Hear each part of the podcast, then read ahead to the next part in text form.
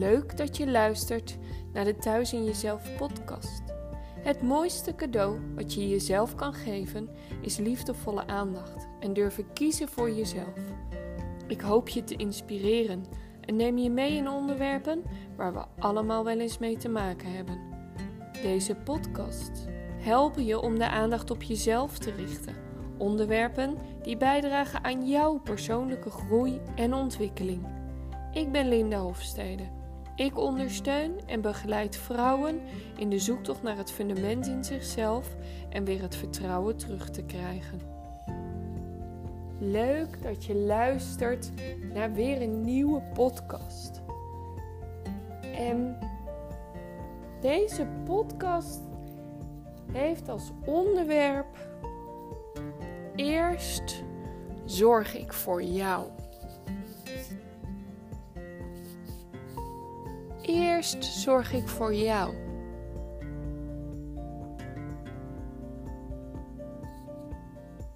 Hoe vaak komt het voor dat je eerst de ander op de eerste plek zet omdat je daar eerst voor wil zorgen? Misschien is dat op je werk. Misschien heb je je eigen werk aan de kant geschoven om eerst een collega te helpen die er niet uitkomt. En daarmee kan het zo zijn dat je eigen werk is opgehoopt. Of wat veel voorkomt, is als je moeder of vader bent en je hebt kinderen. En je voelt dat je moe bent of zat van de dag. En de kinderen vragen jouw aandacht. Of willen iets dat je doet of dat je met ze doet. Maar eigenlijk is je tank leeg. En dan toch kiezen we er 9 van de 10 keer voor. Soms misschien wel 10 van de 10 keer. Eerst zorg ik voor jou. En we kennen allemaal, we kennen allemaal wel het vliegtuigverhaal. En ik heb het er vaker over gehad. Maar ik denk dat herhaling best wel goed is. Met herhaling leert ons brein gewoon veel mee veel beter. Hoe vaker, hoe vaker we herhalen, hoe beter we het opslaan. In het vliegtuig zitten, dan krijgen we allemaal of een filmpje te zien, of het wordt voorgedaan. Maar op het moment dat er zuurstof nodig is en de maskers naar beneden komen, en je hebt een kindje naast je zitten, of een oude iemand, maakt niet uit. Iemand die misschien die, die, die hulpbehoevend is en het zelf niet kan. Vul in voor jou hoe jij dat op dit moment ziet. De zuurstofmaskers komen naar beneden. Dan is het advies: plaats eerst het masker bij jezelf. En dan pas bij degene naast jou die jouw hulp nodig heeft. En dat is niet voor niets eerst kiezen voor jezelf, dat voelt als heel erg egoïstisch. Jezelf voorop zetten. Durven kiezen voor jezelf. Eerst naar jezelf te kijken. Wat heb jij op dat moment nodig? Maar wat zou er gebeuren als jij degene naast je zuurstof geeft en jij komt op tekort? Jij hebt te weinig zuurstof, wat gebeurt er dan? Dan kun je degene naast je niet meer helpen, jezelf niet meer helpen en daarbij de rest van de mensen ook niet. En waarom ik op dit onderwerp kom, is omdat ik deze week merk dat het eerst voor de ander kiezen, dat zit in ons. We vinden het heel erg moeilijk om te zeggen: even niet. Eerst ik en dan kom ik bij jou. dat voelt als een tekort of als egoïstisch. Niet goed genoeg. we voelen ons pas goed als we er voor de ander zijn en daarin geholpen hebben. En kan me dat heel goed voorstellen, omdat ik vind dat ook nog steeds heel lastig. Ik leer het wel.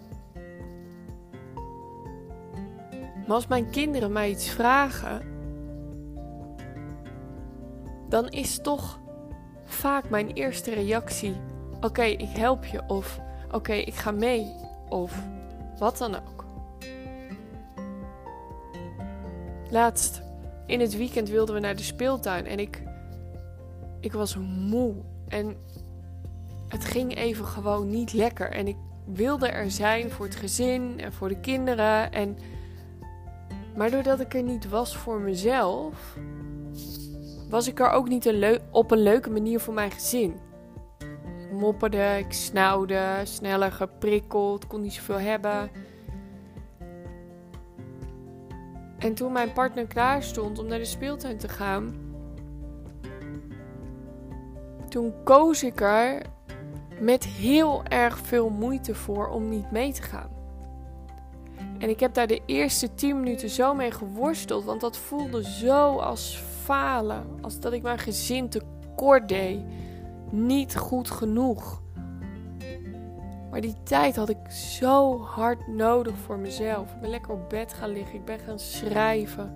Ik ben op mijn spijkermat gaan liggen. En op het moment dat ze terugkwamen, voelde ik me weer zo fijn. Had ik mezelf die zuurstof gegeven die er zo hard nodig was op dat moment. Waardoor ik er ook weer was voor mijn gezin op een hele prettige manier. En ik besefte me op het moment dat ik thuis bleef, ik had wel mee kunnen gaan. Daar had ik geen leukere moeder van geweest en ook geen leukere partner.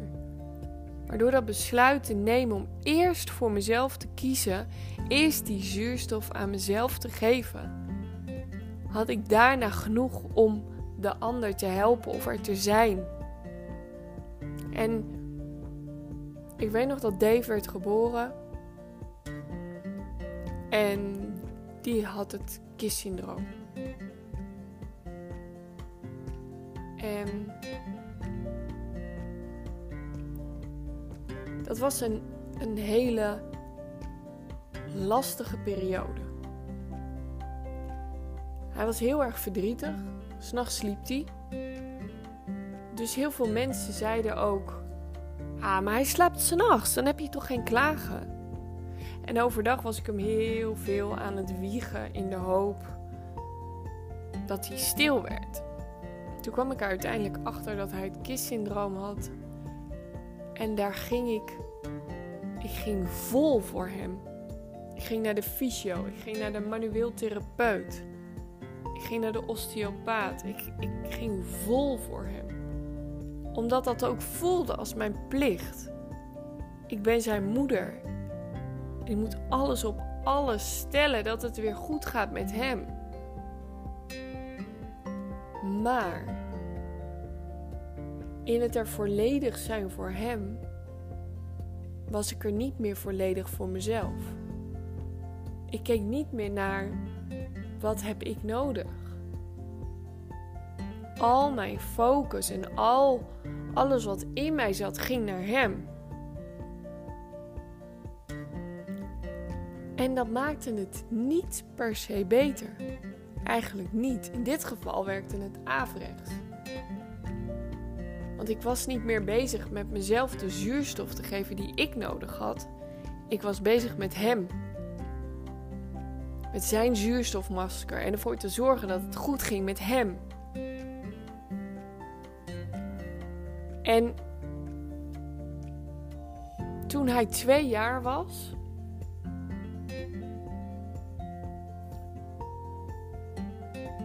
toen ging het niet meer zo heel goed met mij. De pijnklachten die hadden zich opgehoopt. En jullie weten allemaal, als je mijn vorige podcast of ergens maar op social media volgt, weten jullie wel hoe, het, hoe het een beetje voor mij was. Maar waar het om draait is dat na die twee jaar ging het niet lekker met mij. Maar dat ik dan hulp zou moeten inschakelen voor mezelf, dat leek op dat moment helemaal niet oké. want mijn kind heeft een probleem. Ik zorg eerst voor jou. Maar door niet voor mezelf te zorgen, door zelf niets te doen aan persoonlijke ontwikkeling of verandering, werd dat een frustratiemodel. Want ik probeerde hem te begrijpen, maar ik begreep mezelf niet. Ik probeerde hem rustig te krijgen, maar ik was zelf helemaal niet rustig. Ik probeerde hem een vertrouwde basis te geven, terwijl ik niet eens vertrouwen had in mezelf. Ik probeerde de situatie te accepteren, maar accepteerde mezelf niet. Kinderen doen niet wat je zegt. Kinderen doen wat je doet. Als jij in een stressmodel zit of je bent gespannen, dan reageren kinderen daarop, net zoals dieren dat doen. Als er in een groep leeuwen, als daar angst is, omdat er een vijand aankomt, of omdat er vanaf een afstand een mannetjesleeuw het territorium binnendringt, dan ruiken die leeuwen dat van elkaar. Zo ruikt jouw kind jouw angst, jouw stress, jouw paniek. Ze doen niet wat je doet. Ze doen. Ze doen niet wat je zegt, bedoel ik. Ze doen wat je doet. Ik begon aan mijn persoonlijke ontwikkeling. Ik koos ervoor om voor mezelf te gaan. En dat is een heel lastig besluit. Want daarmee was ik bang mijn kind en mijn omgeving, mijn partner, tekort te doen. Door eerst voor mezelf te kiezen. Door eerst aan mezelf te vragen: wat heb ik op dit moment nodig? Maar het bijzondere van het hele verhaal is: ik ging aan mezelf werken en ik werd rustiger in mezelf. En mijn zoontje werd ook rustiger. Terwijl ik altijd dacht, als ik hem beter begrijp en als ik hem snap en als ik goed met hem om kan gaan, dan wordt alles beter. En daar zat de volle focus in dat ik dat ging doen. Ik ging hem begrijpen. Ik ging me daar helemaal in verdiepen. Alleen, ik had nodig dat ik mezelf ging begrijpen. Dat ik voor mezelf ging kiezen. En vanuit die rust, dat stukje acceptatie, het stukje vertrouwen, de basis in mezelf, kon ik hem beter begrijpen.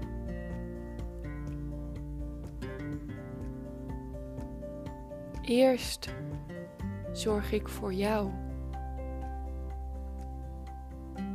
Ken je het liedje Ik hou van mij, van mij en van geen ander? De eerste keer dat ik dat hoorde, dacht ik: wow. Maar zo is het mij niet geleerd. Dat is even egoïstisch. Maar durven kiezen voor jezelf is niet egoïstisch. Het is noodzaak. Als jij niet kiest voor jezelf, kun je een ander niet helpen. Als je alleen maar bezig bent met het ander, om bij een ander dat zuurstofmasker op te zetten, kom je jezelf zuurstof tekort. Maar als je ervoor kiest eerst dat zuurstof bij jezelf op te zetten, dan kun jij met die zuurstof anderen helpen. Je omgeving, je collega's of wie het voor jou mag zijn. Dus laten we het eens ombuigen. Eerst zorg ik voor jou. Hoe is het om altijd voor een ander te zorgen en jezelf achterop te stellen? Jezelf altijd maar aan de kant te schuiven. Ook al ben je op, ook al ben je moe, ook al ben je geïrriteerd of prikkelbaar. Altijd maar eerst de ander. Hoe voelt dat?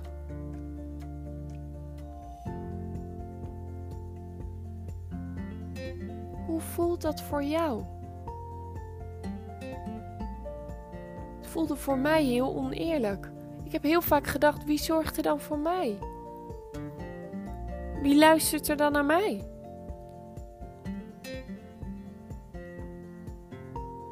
De enige die aan jou gehoor kan geven, dat ben je zelf.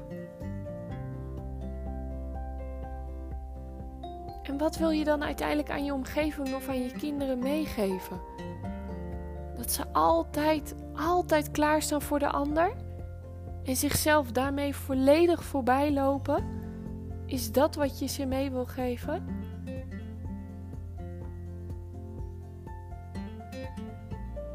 Eerst zorg ik voor jou. Voelt dat fijn?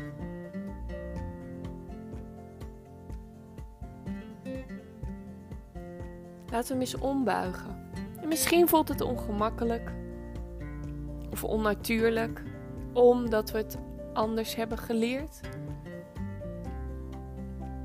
Eerst zorg ik voor mij.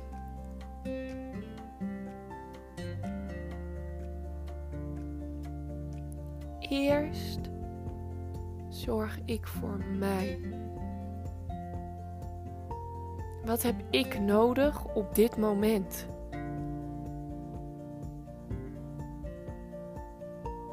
Ben ik prikkelbaar? Ben ik vermoeid? Eerst zorg ik voor mij. Neem dat bij een volgende keer eens mee. Als iemand je hulp nodig heeft. Of als je iets gevraagd wordt. Spring je dan gelijk in en ben je dan geneigd eerst voor de ander te zorgen? Terwijl je misschien al zelf snakkend bent naar een beetje zuurstof? Wat als je voordat je reageert eerst aan jezelf vraagt: wat heb ik nu nodig?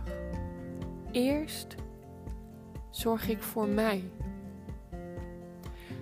Want als jij voldoende zuurstof hebt, als je jezelf daarin eerst voorziet, dan kun je een ander helpen. Vanuit rust, vanuit vertrouwen, vanuit liefde. Want hoe reageer je als je eerst voor de ander kiest? In mijn geval was dat echt heel vaak zagrijnig, prikkelbaar. Was eigenlijk te veel.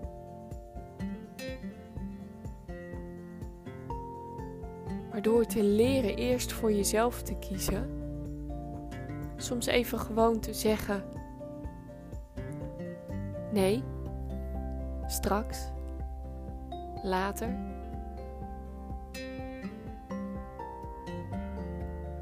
Misschien even een blokje om. Of misschien heel even een half uurtje lekker liggen met een boek. Wat heb jij nodig om op te laden? Ik durfde niet aan mijn persoonlijke groei, omdat ik overtuigd was dat ik er eerst moest zijn voor mijn kinderen. Maar mijn persoonlijke groei heeft ervoor gezorgd dat ik mezelf ging begrijpen, rustiger werd, meer in balans kwam en daardoor beter voor mijn kinderen kon zorgen. Vanuit een andere basis, vanuit liefde, vanuit vertrouwen, vanuit rust. Eerst zorg ik voor mij. Ik hoop enorm dat ik je weer met deze podcast heb mogen inspireren. Ik wens je voor nu een hele fijne dag en ik hoop zeker weer tot de volgende keer.